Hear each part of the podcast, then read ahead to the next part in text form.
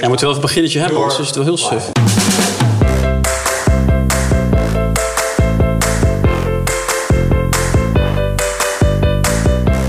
Nou, hartstikke leuk. Welkom bij de Voxpop podcast. Mijn naam is Roel Maaldrenk, oftewel de persoon, de mens achter Voxpop.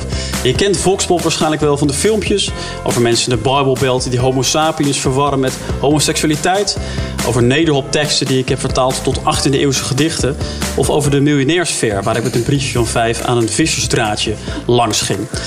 Het zijn vaak serieuze thema's die ik op een geestige manier eh, bespreek. En dat levert vaak een hoop reacties op onder de video's. Die reacties zijn soms serieus, soms lollig. En soms word ik doodgewenst. Maar in ieder geval maken ze de tongen los. En dat is reden om iets nieuws te proberen. Om die discussie voor te zetten in mijn eigen podcast. En om iets meer achtergrond te geven aan die best wel relevante onderwerpen. En dat kan ik dus niet in mijn eentje. Dus heb ik podcastmakers Microphone Media ingeschakeld. En heb ik onderdak gevonden in deze prachtige studio van Crowdale hier in uh, Hartje, Amsterdam. En deze podcast wordt niet gesponsord. Dus daar hoef ik verder uh, niets over te zeggen. En het leuke is dat het een experiment is. Experimenten zijn altijd leuk. En dat het ook live is. Dus dat mensen live kunnen meekijken via Instagram. En ook live kunnen reageren. Deze aflevering is eigenlijk een soort pilot. Gaan we het hebben over privacy. En in een van de klassiekers van, uh, van eh, mag ik wel zeggen, van Foxpop. Die ging over privacy. En daar kwam ik erachter dat uh, ja, heel veel mensen eigenlijk meer te verbergen hebben dan ze zeggen. Maar u heeft dus niet echt iets te verbergen? Volgens mij niet. Nee. Hoeveel verdient u? Oh, kijk. Ja, dat hoeft niet iedereen te weten. Nee? Nee, toch? Nee. Ook niks te verbergen? Nee. nee. Privacy, dat is niet zo belangrijk? Nee, nee. Uh, wanneer ben je voor het laatst de dokter geweest? Uh, vorig jaar. Waarvoor was dat? Voor mijn hoofd. En uh, wat is je creditcardnummer? Uh, ja, dat is, dat is privé. dat is wel privé? Ja. Jullie hebben zo'n uh, zo'n indruk. We gaan het hier zo meteen uh, over hebben. Dan laat ik jullie eerst even voorstellen. Want Charlotte van het Woud, jij bent iemand die nou, weinig te verbergen heeft. Je bent ondernemer. En je verhuurt mooie grachtenpanden hier in, in Amsterdam. Maar je bent eigenlijk vooral bekend van, van Instagram. Ja. Hoe, hoe, bekend ben jij eigenlijk in Amsterdam, Charlotte? Nou, ik word niet dagelijks herkend. Niet dagelijks? Nee, niet, nee. Wel wekelijks? Ja. En wat zeggen mensen dan? Uh, meestal noemen ze me Celine, omdat ik Celine Charlotte op Instagram Ah. heet. En dan weet ik al gelijk, aha, je kent me van Zo Instagram. kennen ze Ja, want En- ik heet Charlotte dus. En hoe reageer je dan? Is dat dan awkward? Ja, altijd wel een beetje. Want eh, eh, het, het voelt... Meest, meestal is het ook op het moment dat je net, net even ergens anders mee bezig bent. Ja. Weet je, in de Dat je supermarkt. uitstaat. Ja, maar Ja. het is oké. Het, is hartstikke- het is natuurlijk ook hartstikke lief en leuk dat ze even wat komen zeggen. Want ik ben ook even de straat opgegaan om te kijken. Ja, weten mensen in godsnaam wie jij bent? Mag ik even twee vragen stellen van een podcast? Ja, doe maar. Herkent u eh, deze eh, dame? Ze heet Charlotte van het Woud. Nee, zeg maar niks. Ik ken haar echt niet. Waarin on- onderneemt ze, als u, als u denkt u? Nou, er staat Facebook en Instagram marketing. Oh, ze staat er gewoon bij. Het is gewoon onder. Nou, modellenbureau. En, en ze geeft lezingen. Over wat? En waarover denkt u? Over eh, hoe je geld moet verdienen. Dat is nog echt zo ook, ja. Hoeveel Instagram-volgers heeft Charlotte, denkt u? Als, als zij er veel heeft, 64.000. Nou, ook weer niet zoveel. Ah, 10. nou, 20.000 ergens in het midden. Ah. Is misschien ook niet helemaal jouw doelgroep, toch? Ik Per vond, se. ik vond het wel fantastisch dat hij gewoon raadde dat ik cursus over geld gaf. Ja, echt hè? Was dat Oh, gewoon een, een gok? Dat was echt een gok. Ja, ik heb niks gesouffleerd. Huh. Want jij geeft inderdaad cursus nu over geld. Hè? Hoe, Ja. hoe mensen hun business be- nog beter kunnen runnen. Ja, ja, ik ben all about eh, inderdaad je, ja, je business runnen, money mindset, zulke dingen. Want we zoeken natuurlijk nog een sponsor voor deze podcast. Nee, Dus- dus we kan je kunnen zo meteen wel even praten. Nou, dat lijkt me een heel goed idee. Ook eh, hier in de podcast is eh, Esther Krabbedam van eh, Bits of Freedom. Een hele belangrijke organisatie die zich inzet voor privacy en eh, internetvrijheid. Jij zit al niet zo heel lang bij Bits of Freedom nu, hè? Eh, bijna een jaar. Nou, bijna een jaar. En hoe bevalt dat, dat eerste jaar? Heel goed. Ja? Heel veel geleerd. En eh, ja, Ik ben ook even de straat op gegaan om te kijken of mensen jou kennen. ik En, zag hem al aankomen. en of mensen Bits of Freedom kennen. Oké. Ja, het zou lullig zijn geweest dat ik het alleen bij Charlotte had gedaan. en dan door. Dat Krabdam is toch iets in de politiek? Leuke achternaam. Is dat een leuk achternaam? Ja, Krabbedam. Ja, vind ik wel leuk. Nooit gehoord. Wat doet zij, denkt u? Nou, nou, ze ziet er niet uit als een automonteur. Politiek. Maar wel in de buurt? Eh, ICT'er.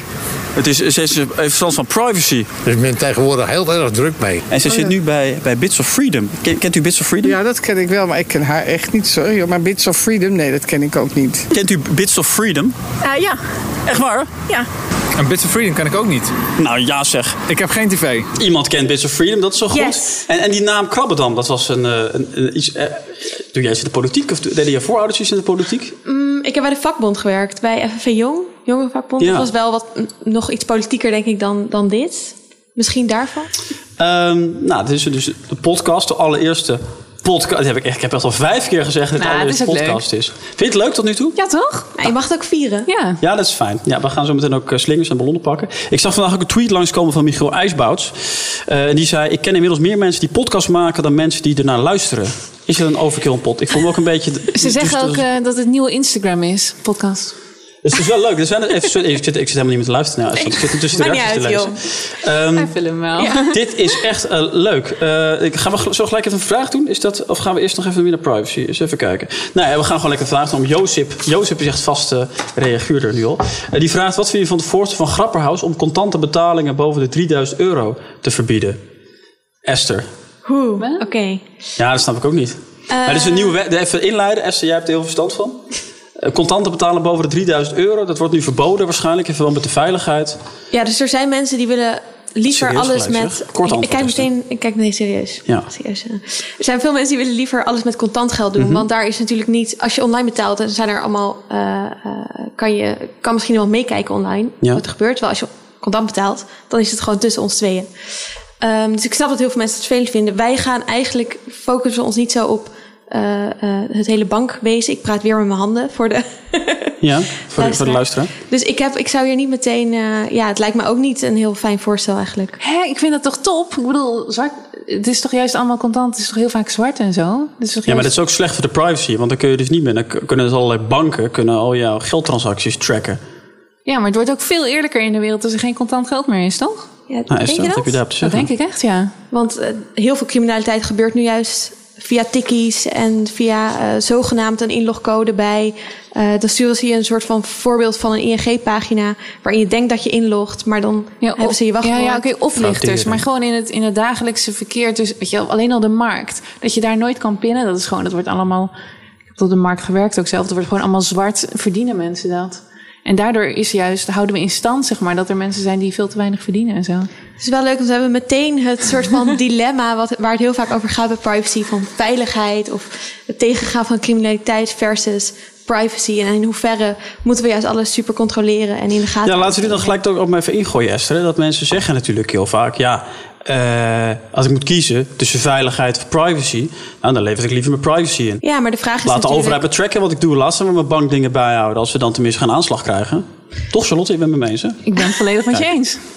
De vraag is natuurlijk of je veiliger bent als je al je privacy hebt ingeleverd. Want mensen weten daardoor, het is ook makkelijker om jouw gegevens te stelen of daar eh, inzicht in te hebben als die ergens bij, online staan. Dus dat zitten juist, verschillende juist, kanten het, aan. juist het opgeven van die privacy kan ook weer onveilig zijn. Ja, zeker. Ja, ik denk dat doordat we hè, vroeger eh, heel veel gesprekken die we hadden, normaal gesproken eh, face-to-face of misschien door te bellen, die hebben we nu in WhatsApp. Of die hebben we via Facebook chat of Ja. whatever. En daardoor zijn ze eh, in beheer bij Facebook, worden ze super lang bewaard. We weten niet wat Facebook ermee doet. We weten niet aan wie ze het verkopen, welke informatie ze eruit halen. Terwijl eh, eh, als je gewoon in gesprek bent, dan weet ik dat jij hebt gehoord wat ik zeg. Maar verder niemand anders in principe. Ja. Tenzij je een podcast aan het Dus je zegt dat die tegenstelling klopt niet. Het is niet of, of Nee, privacy nee of zo wordt het vaak gepresenteerd als een soort van groot dilemma tussen twee kwaden. Ja. Ehm, maar ik denk helemaal niet dat dat zo is. We gaan het zo meteen met een ander voorbeeld nog even over hebben. Eerst, eh, hebben jullie iets te verbergen? Ja, na dat filmpje durf ik natuurlijk sowieso geen nee meer te zeggen. Zou je anders iets, zou je anders ook zo'n eh, zo'n schaap zijn geweest die in mijn valletje had getuind? eh, eh, nee, eh, ja, verbergen klinkt gelijk zo geheimzinnig. Maar Ja, daarom zeg er- ik het ook. Ja, zijn er dingen die ik voor mezelf hou? Ja, tuurlijk. Ja. Maar ik heb niet veel schaamte. Ik heb, ik, en ik gooi veel inderdaad online. Laat even, Charlotte, jij maakt je er weinig, jij maakt je er weinig zorgen over, hè? Ik geloof dus juist dat internet ervoor zorgt dat we met z'n allen meer educatie krijgen. Dat je van alles gratis kunt opzoeken. En dat je mensen kunt volgen online op Instagram, op Facebook, die je inspirerend vindt, waar je kennis uithaalt. Ik geloof dus juist dat internet ons verder dan ooit brengt. En juist ons meer vrijheden biedt en veel meer gelijkheid zorgt, zeg maar. Maar en als je dat dus is ook zegt- wel zo, hè? Ik bedoel, het internet is ook fantastisch. Ja. Het kan en-en zijn. Ja, ik bedoel, dat is ook wel een van de dingen die, die de Bits of Freedom Bank ook allemaal vinden. Dat het internet is super tof, maar waarom laten we het eigenlijk hele grote bedrijven en nu bepalen wat we wel of niet op het internet kunnen? Wat ik een mooi voorbeeld uh, vond, wat jij volgens mij een maand geleden bij RTL Z hebt verteld, is als jij, als jij op YouTube opzoekt, is de aarde plat of, uh, of rond, dat dan 90% van de resultaten zegt dan de aarde is plat. Toch? Dat is jouw voorbeeld. Ja, ja, je kijkt me aan. Maar, nee, maar, dat maar dus dat, dat, dat, dat, dat is als je die, die grote techbedrijven zoveel macht geeft, dat is die informatie ook bijvoorbeeld over die abortus dus uh, niet meer kloppend kan zijn of in een bepaalde hoek gedraaid moet als je nu, wacht even, als je nu opzoekt, is de aarde rond of plat, dan zegt Google de aarde is plat? Nee, nee, daar ging, het gaat over, YouTube. Ja. Als je zeg maar op YouTube gaat zoeken naar filmpjes over of de aarde rond of plat is. Ja. Er zijn veel meer mensen die video's maken flat, over de flat earth. Oh, zo. Dan mensen die zeggen, nou, de aarde Ja, oké, is maar rond. heel even één keer googlen. één keer googlen, is de aarde rond of plat? Dan zien we de aarde is rond, toch? Ja, ja, nee, tuurlijk. Maar het, is, het gaat erom dat uh, inmiddels heel veel mensen op YouTube... Is flat or round? Flat earth versus round earth. Five facts that prove the earth is flat. Respond, is the, is the earth flat? Ja, maar je snapt dat iemand... Het is als voorbeeld dus dat dit... Ja, maar dat- dus eigenlijk is dan mijn punt zullen zijn... hoe meer mensen dus online hun kennis gooien... hoe meer mensen online gaan delen... hoe uiteindelijk beter dat wordt ge, um, hoe uitgeëvend. Daar wil ik ook even naar jou als voorbeeld van gaan, Charlotte. Want jij bent eigenlijk natuurlijk iemand die zelf heel veel online doet. Ja. Jij bent online uh, bekend geworden. Jij, jij, verdient eigenlijk het grootste gedeelte van jouw geld uh, online. Je bent Ja. online heel erg uh, gegroeid. Je verkoopt nu ook trainingen via Instagram. Ja. In, in een jaartijd zijn er 5000 verkocht. Ja, A 100 euro per stuk. ja. Dus ik heb er daar een wiskundige naar laten kijken. Die kwam toen uit op, op 500.000 euro. In het begin waren ze iets goedkoper. Dus 300.000 euro heb ik verdiend in Nou, dan ik die wiskundige weer ontslaan. Oh, nee, dat wiskundige klopt er wel. Ja. Ja. Je hebt 20.000 volgers op, op, eh, op Instagram. Ja. Je laat ook dus veel van je, eh, veel van je privéleven zien. Je maakt je niet zo druk om, om, om privacy. Tegelijkertijd leg je ook... En er zit een soort stimulering ook. Hoe meer je over jezelf vertelt en hoe meer je laat zien... hoe meer volgers het oplevert. Ik denk dat als je alleen maar werkgerelateerde dingen plaatst, is leuk. Maar juist ook een beetje iets laten zien van jouw privéleven. Ik Ja. neem aan dat jouw volgers dat ook prettig vinden Ja, ik denk dat die combi heel, heel erg fijn werkt, Ja. zeg maar. Ik wil, ik wil het liefst... Kijk, mijn doel om zoveel van mezelf te laten zien op Instagram... Ik, ben heel erg, ik wil heel graag vrouwen laten zien dat het mogelijk is. Dat je een bedrijf kan runnen, dat je Ja. ondernemer kan zijn. Ik vond dat daar te weinig echt van te zien was in de wereld. Dat vooral mannen zijn eh, tot nu toe die daarvoor, daarover in de spotlight gaan. Dus daarom klets ik inderdaad uitgebreid over geld... of allerlei dingen uit mijn leven op Instagram... om juist inderdaad te laten zien. En dus dat, is, dus dat is de inhoudelijke kant. Daarnaast laat je ook gewoon leuke, leuke dingen zien die je, die je doet. Gewoon, je laat ook delen van je privéleven Ja. zien. En waar ligt daar dan voor jou? De, de- wat laat je dan niet zien? Ehm, ik laat mijn familie niet echt zien op mijn Instagram. Waarom niet dan? Ja, omdat, omdat die daar niet echt eh, voor hebben gekozen. Die hebben er niet echt zin in. Überhaupt iedereen die geen zin heeft om op mijn vlog of op mijn eh, Instagram te komen, die, die laat ik niet zien. Levert dat wel een spanning op? Want als mensen bij je solliciteren, je hebt mensen in dienst die bij Ja. jou gaan werken. Dan is het deel, deel van de deal Die van jouw werken is, is dat ze gefilmd worden. Nee, ik vraag bij. Het is de regel bij iedereen. Als ze niet erop zouden willen, dan hoeft dat natuurlijk niet. Ja. Dus je vraagt dat vooraf dan? Ik, bij iedereen, ja. Bij iedereen die ook maar een klein beetje met een half hoofd op Ah, ja. mijn film staat, is altijd: Oh, vind je het goed dat ik deze story plaats? Ja. En zij zeggen dat je hoeft het niet meer te vragen, maar ik blijf het altijd elke keer vragen. Ehm, maar ja, de mensen in mijn omgeving die hebben inderdaad, ja, die zijn ook te zien als ze willen en zo niet dan niet. Dus je laat je familie niet zien en over dingen die je over jezelf loslaat. Want ik had met jou, jouw personal assistant had ik van tevoren contact. En Ja. die zei, je mag slot alles vragen, maar niet over relationele dingen. en dan stuurde jij vervolgens nog een mailtje met, nou je mag wel vragen, maar ik geef geen antwoord. Ja, weet je, ik ben, nou, dat is eigenlijk vooral omdat ik een beetje zat ben. Ik ben 31 en dan krijg ik altijd de vraag van, weet je wel, wanneer ga je kinderen beginnen? Ik vind het allemaal seksistische vragen. Oh, dus die vraag kan ik allemaal stoppen. En dan, eh, Dus dat is eigenlijk de is het reden gewoon een vervelende seksistische vraag. Ik vind, ja, ik vind seksistische Maar dat zou vragen je altijd- ook als iemand gewoon in een gesprek dat vraagt, zou je dat ook zeggen. Zou ik ook zeggen. Ja, het is niet alsof je dat niet doet omdat het aan een heel groot publiek is. maar Nee, gewoon omdat je denkt, waarom- nee. Dat heb je waarschijnlijk ergens in je vragenlijst ook al wel. Dat ik gewoon vertel dat ik op tantra kamp en zo ga. Eh, ja, dan heb ik vier, vier eh, Dat dacht ik al. Nee, je, Ja. hebt een, je hebt een podcast gemaakt en daarin Ja. vertel je eh, nou ja, 40 minuten lang over... Je zegt nu tantrakamp en die podcast had je het gewoon over sekskamp. Mijn naam is Charlotte van het Woud. Ik ben eindelijk begonnen en ik ga het eigenlijk gelijk over het sekskamp hebben waar ik heen ben geweest. Ik dacht, het lijkt me een goede binnenkomer, goede eerste podcast. Charlotte was op sekskamp en hoe was het? Ehm, je, hebt- dus jij vertelt heel open over dat je op sekskamp bent geweest. Daar Ja. vertel je ook dat je, dat je geen vriend hebt. Ja. Ehm, vind je dat dan spannend, dat mensen dat van je weten? Nee, nee, want ik weet dat ik door die podcast alleen al zo ontzettend veel vrouwen help. met dat onderwerp. Dat sekskamp, dat, dat klinkt, klinkt ook wat, wat leuker dan dat het daadwerkelijk is. Het is heel erg over, over zelfontwikkeling. Ja. En je gaat dan heel erg diep in op wat betekent seksualiteit voor je. En er zijn zo ontzettend veel vrouwen die worstelen met bepaalde, bepaalde dingen of een bepaald beeld wat op ze is gelegd. En ik vind het dan alleen maar ontzettend mooi dat als ik het podium heb, als ik ja, de audience heb om daarover te gaan vertellen, dat ik dat doe met Ja. de hoop dat anderen zich daardoor gesterkt voelen. En ik heb, ik heb gisteren die podcast voor het eerst dus ehm, in, de, in de lucht gegooid. En ik heb al zeker, denk ik, 70 berichtjes van vrouwen die echt dolblij zijn dat ik het daarover Ja, durf dat, dat snap ik. Dat mensen het mooi vinden. En dat het ook, maar dat het toch niet. Dat het, ja, ik moet zeggen, ik, ik heb zelf heel veel privé dingen. Ik denk dat Ja. gaat mensen geen, eh, geen, geen reet aan. Maar stel je voor dat jij met dat privé-ding het leven van één iemand kan veranderen. Vind je het dan wel niet waard om dat te delen? Ehm, wat een vals dilemma is dit. Ehm, nee, want de basisding is dat het gaat om mensen. Als ik op sekskamp zou gaan, stel Ja. dat wij het elkaar dadelijk ontmoet hebben, weet je wel, dat ik je hebben daar we heb dat wel. uitgenodigd. Dat ik dat dan nu, nu heel geheimzinnig over doe. Nee, maar dan zou ik dat niet. Dan zou ik denk ik toch ongemakkelijk vinden. Zelfs om, ja, eh, echt als je om- iemand om anders die enorm ergens mee worstelt. En dan weet je Ja, maar wel niet publiekelijk, hè? Dat is het verschil tussen publiekelijk of, of privé. Zou jij dat delen, Esther, als jij op sekskamp was geweest? Nee, denk het niet. Ja, niet met mijn, mijn volgers. Nee. Ja, ik denk ook, eh, het is, ik ben zelf zo ontzettend vaak geholpen door andere mensen die dingen delen, heel openlijk. Weet je wel, mensen die openlijk vertellen over geld verdienen, mensen die openlijk vertellen over bepaalde struggles, hoe je een bedrijf opstart. Dat ik altijd denk, ik wil mijn hele leven teruggeven. Alles wat ik leer, dat wil ik ook gewoon delen, omdat ik weet hoe het erg het mij heeft, heeft Ja. geholpen. Dus zelfs, nou goed, zelfs sekskamp heb jij het dus eh, Ja, over. Het was een, eh, een, een prettig kamp, begreep ik uit de podcast. ja. Ehm, veel, ik, maar ik heb dus geluisterd. Ik moet Ja. zeggen, ik vond het ook wel eh, inspirerend. Haha. Ehm, dus wie weet eh, zien we elkaar volgend jaar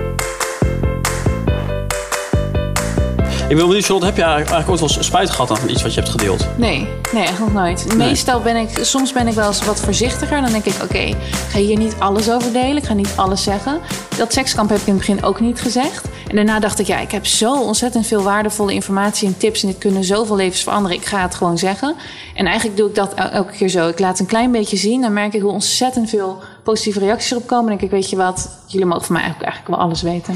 Dat tegelijkertijd zit het bij jou natuurlijk ook. Bij jou zit het natuurlijk eigenlijk heel simpel. Voor jou is het, het opgeven van, van, die, van die privacy. Is natuurlijk. Jij, jij kan helemaal toch niet. eh, jij kan je toch helemaal niet druk maken om privacy. Want dan kun je je business min of meer wel opdoeken. Ja, maar het zou ook gewoon niet in mijn hoofd opkomen. Ik blijf het nog steeds een egoïstisch iets vinden als je dingen niet deelt met mensen. Het Überhaupt is zo grappig dat jij het een egoïstisch iets vindt als je het niet deelt. En Esther zegt, ja, het is egoïstisch als jij als hoogopgeleide die allerlei voordelen heeft, eh, je niet zo druk maakt om privacy, omdat andere mensen die, die meer onderaan in de samenleving staan, daar de nadeel van ondervinden. maar ik wil Val ik dat mooi samen, Esther, of niet? Nou, nee, ik wil niet zeggen dat jij niet mag delen wat je wil delen. Mhm. Ik vind het heel goed dat je daarover nadenkt. Dus dat je denkt, ik wil dit wel delen en dit niet.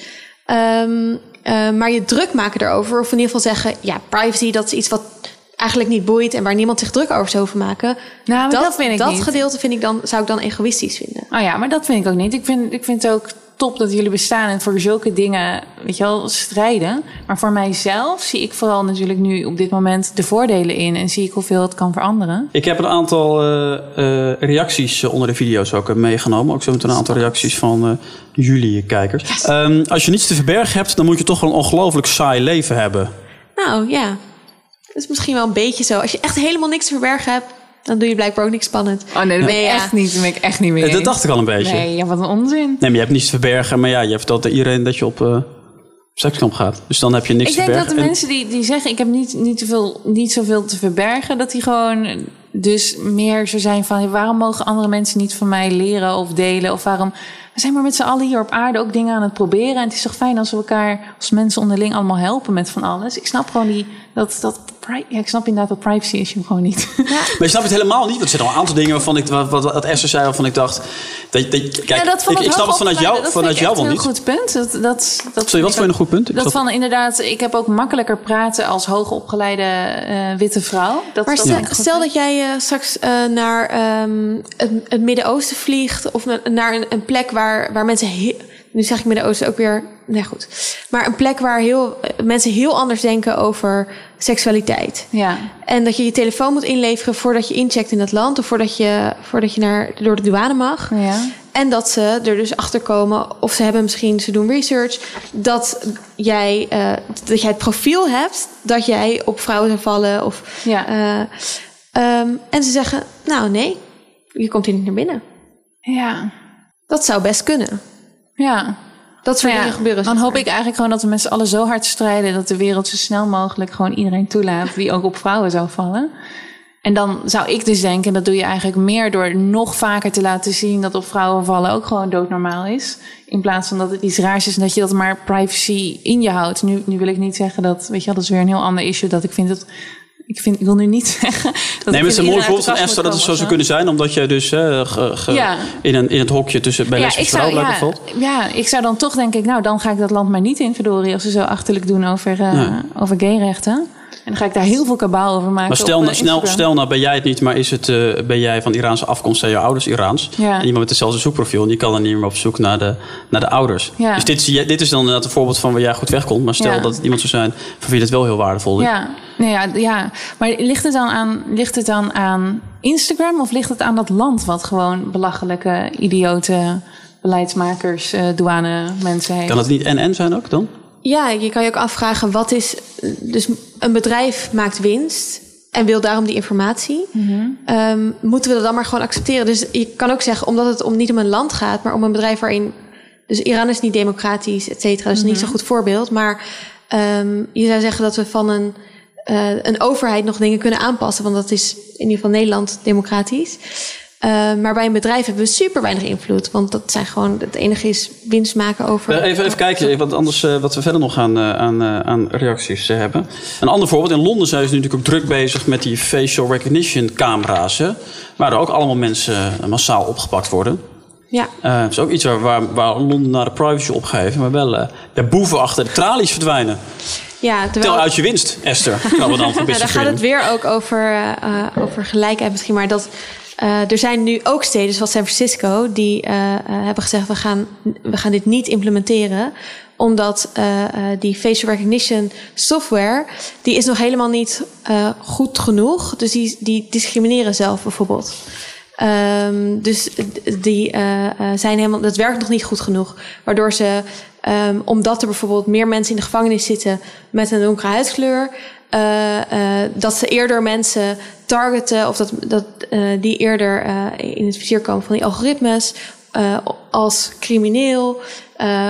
terwijl het hele rechtssysteem is helemaal niet goed, waardoor er meer mensen in de gevangenis zitten. Dus, dus de, denivelerende en, en de groepen die het al zwaarder hebben, hebben Precies, dat is, zwaarder. De, dit werkt ook allemaal online door. En er zijn dus inmiddels steden die zeggen... we gaan niet die software gebruiken tot in ieder geval totdat het beter werkt. Totdat die algoritmes beter kloppen. Ja. Maar dan, als je algoritme, want eh, vind je het dan wel een goed idee als alles helemaal goed zou kloppen? Ik zou het zelf eh, helemaal geen prettig idee vinden. Ik vind het ook geen fijn idee dat overal camera's hangen. Ik snap wel dat op een plek waar heel veel misdaad is... dat je dan zegt, dit moeten we misschien een keer in de gaten houden. Maar ik snap niet waarom eh, in winkelcentra en op allemaal plekken... waar ik op het station de advertentieborden nu, nu camera's hebben... zodat ze kunnen kijken hoe ik reageer of hoe lang ik naar een bord kijk. Waar maak jij of waar maken jullie als Business Freedom eigenlijk meer zorgen over? Over overheden en hoe zij inbreuk maken op onze privacy of die grote techbedrijven? Ja, het is wel het verschuift de laatste tijd ook wel echt veel naar die grote techbedrijven. Omdat die bijna meer macht hebben inmiddels dan overheden. En hoe kun je die macht beteugelen dan? Ik denk dat we, Dat kan amper. Google, eh, Facebook, die hebben bakken met geld. ja, ik denk dat we Macht? regels moeten maken. Dus dat we juist vanuit overheden die, aan, die bedrijven aan moeten pakken. Dus hè, zij verdienen heel veel geld door de handel in onze data. Mhm. Ehm, eh, we mogen niet mensen verhandelen. Waarom mogen we wel al die informatie over mensen verhandelen? Moeten we maar niet wij gebruiken het toch? Ik, ik weet niet. Dus wij, wij zijn toch degene die Google dat, gebruiken? ja, maar het feit dat jij ehm, de, de dienst van Google gebruikt. Ja. Ehm, waarom moet de andere kant daarvan zijn dat Google alles wat jij op die dienst doet mag weten? Zeg maar, of alles wat jij intypt. Omdat zij het hebben uitgevonden. Ik vind het wel gewoon. Ik ben elke dag super blij dat internet bestaat, dat Google bestaat en dat Instagram bestaat. Gewoon top gewoon. Ik zou in geen ander tijds, tijdstip in de wereld geboren willen worden. En dan vind ik het he- totaal niet erg dat zij er geld mee verdienen aan de andere kant. Met wat ik opzoek.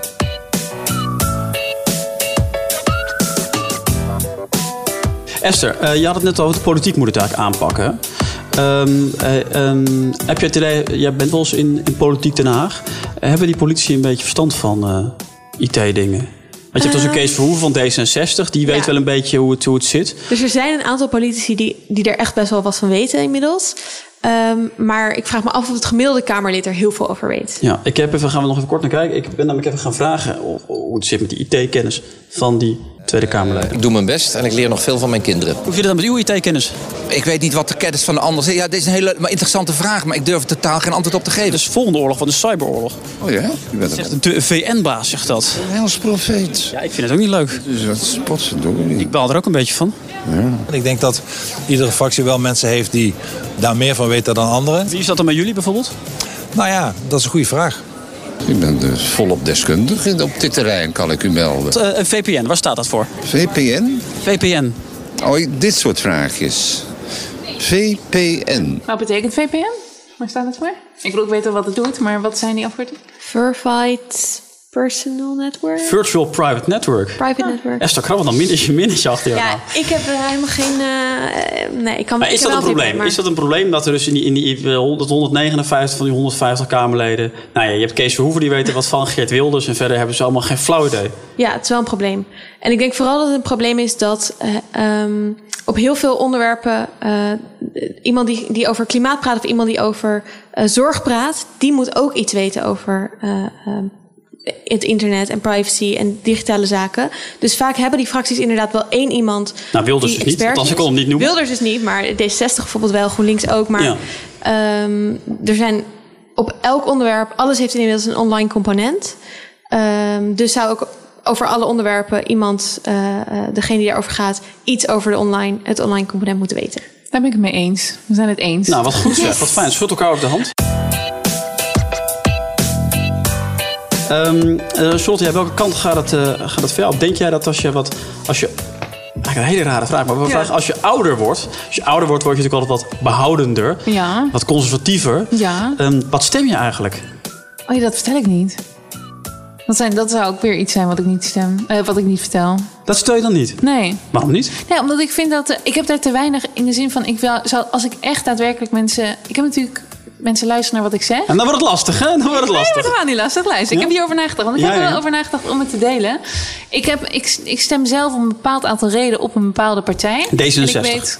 Ik, ik zeg helemaal niks. Oh. Ik weet verder te weinig van de andere ehm, punten af. Ik heb bijvoorbeeld niet alle, hoe noem je dat, partijprogramma's gelezen en zo. Dus ik vind niet dat ik daar op een goede manier invloed op kan uitoefenen. Ik wil gewoon niet iets zeggen waar ik niet 100% misschien alles van af weet.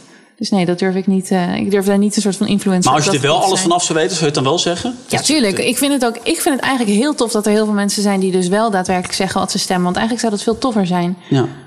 Maar ik krijg ook dan waarschijnlijk heel veel vragen erover, dus ik hou me daar eh, afzijdig van. ja.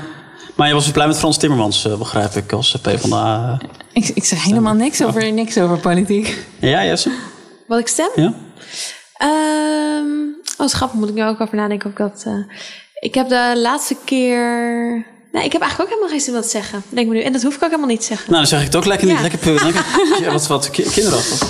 Ehm, dat was ook eigenlijk niet mijn laatste vraag. Maar ik dacht wel fijn om nog Maar even... ik vind trouwens, ook dit weer, je maakt wel heel bewust een afweging. Van ik wil dat niet zeggen, omdat ik er niet geïnformeerd genoeg over ben. Of, eh, En dat is wel, zeg maar, nadenken over de gevolgen van wat je wel of niet online plaatst. Dat is volgens mij wat mensen gewoon vaker zouden kunnen doen.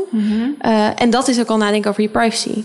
Ehm, maar om dan ook nog eens na te denken over eh, ehm, wat je zeg maar aan informatie weggeeft als je eh, gewoon online dingen doet waar je verder, waarvan je denkt dat je niet veel deelt. En daar ook om kijken wat je wel of niet aan of uit wil zetten. Wil je dat al je Google geschiedenis of al je Google Maps eh, ehm, want op basis daarvan kan natuurlijk ook iemand een profiel maken wat ze denken dat jij stemmen. Maar anders gezegd, als jij dus als je de hele, die hele eh, geschiedenis van, van Charlotte en alle Instagram dingen, als je jouw profiel zoekt, dan kan je waarschijnlijk met een nauwkeurigheid van 95% Ja. kom je nog gewoon achter dat ze op D66 heeft gestemd. Dat zou me niks verbazen. Nou ja, zeg maar als je, als je dat kan doen. En dan zou het dus ook kunnen dat jij van één politieke partij die die informatie hebben, heel veel eh, eh, speciale eh, advertenties krijgt die zo zijn gemaakt om iemand van de partij waar jij op stemt te overtuigen om naar een andere partij te gaan. Ja. En dat je dat misschien niet helemaal door hebt, maar over twee jaar iets anders stemt, omdat je denkt, nou, ik heb toch eigenlijk wel dit voor standpunt. opjetten. Ja, dat zou Ja. kunnen. Wordt de Partij voor de Dieren. Dus juist als je daar zeg maar wel bewust over nadenkt, is het denk ik ook nuttig om eens stil te staan bij wat eh, eh, eh, ja, voor invloed hebben dan. Als je het belangrijk vindt dat je niet deelt waar je op stemt. Ja. Het kan dus wel zijn dat mensen dat eigenlijk weten, of dat bedrijven dat weten, Ja. dat de partijen dat weten. Ja. En als mensen privacy nou hartstikke belangrijk vinden, die hebben dit verhaal gehoord en die, en die denken, nou de privacy, zoals Charlotte, die denkt opeens privacy, dat is het belangrijkste ding. Anders komt iedereen erachter wat ik heb gestemd. Um, dus zelfs Charlotte wil ook weer heel veel privacy. Hoe, hoe, wat moet ze dan doen om Bits of Freedom te steunen? Dan kan je naar bitsofreedom.nl gaan en daar kan je doneren, want wij zijn een stichting, onafhankelijk. Dus we bestaan helemaal uh, omdat heel veel mensen ons steunen. Uh, en we zoeken ook altijd vrijwilligers die ons willen helpen met uh, toffe acties of... Dus meld je aan. En als je, Esther, jij denkt nu naar het verhaal van Charlotte van... hé, hey, dat Instagram, dat vind ik ook wel prachtig. En ik wil ook meer weten over ondernemen... en hoe je geld kan verdienen als, als mens eigenlijk. Uh, op uh, Celine Charlotte kun je me volgen op Instagram. Dat was het dan. Ondernemer en Instagrammer Charlotte van het Woud... en Esther Krabbedam van Bits of Freedom. Dank jullie allebei. Um, en dan wil ik eigenlijk ook nog even iets terug doen. Dus word ook lid van Bits of Freedom. Ik heb deze tekst heel, niet zelf geschreven. Dus ik denk niet opeens, wat staat hier eigenlijk? Dit heeft Koos van Microphone Media. Ja, een van de makers ook uh, van deze podcast uh, uh, voor mij geschreven. Dus even kijken wat hier verder eigenlijk allemaal nog staat. die laatste vraag aan Charlotte. Ja, dat is nog wel even leuk. Charlotte, ik heb nog een laatste vraag aan jou. Je weet natuurlijk alles van, van geld verdienen. En deze podcast die doen we voor een appel en een ei. Nou, sterker nog, die doen we voor de Katsen KUT. Um, hoe uh, worden we hier rijk mee? Hmm. Nou, de, meest, de meest saaie manier is natuurlijk sponsoren zoeken. Toch? Maar ja, dat, Saai, dat, ja. Is, dat is een beetje een gedoetje. Ja, nou ja, ik snap. Waarom zou je niet zo überhaupt gewoon... Ja, waarom zou je niet reclame maken erin? Wat is de reden dat je geen sponsor hebt? Of een grote investeerder zoeken die dit heel interessant vindt? Of... Uh, ja, rec reclame maken bij podcasts is best wel leuk. Hè? Dan kan je gewoon. Je hebt dat kan heel, makkelijk. Ja, je hebt heel veel podcasts die soort van even een half minuut praten over een bepaald product Ja. dat ze allemaal hebben gekregen. Wat is je jullie gaat- favoriete pindakaas? Is dat ook Ja. Calvé? Ik vind Calvé zo leuk met van die eh, stukjes pindakaas. Nom, nom. Ehm, nogmaals, dank jullie wel. Dit was de Voxpop podcast. Die kun je luisteren via Spotify en iTunes. Abonneer je vooral, dat is gratis en dan mis je helemaal niks. En wil je meepraten, hou dan de Voxpop Facebook en ook YouTube in de gaten. Want als er een volgende keer komt, dan gaan we zeker live. Esther en Charlotte en alle luisteraars en kijkers, dank jullie wel.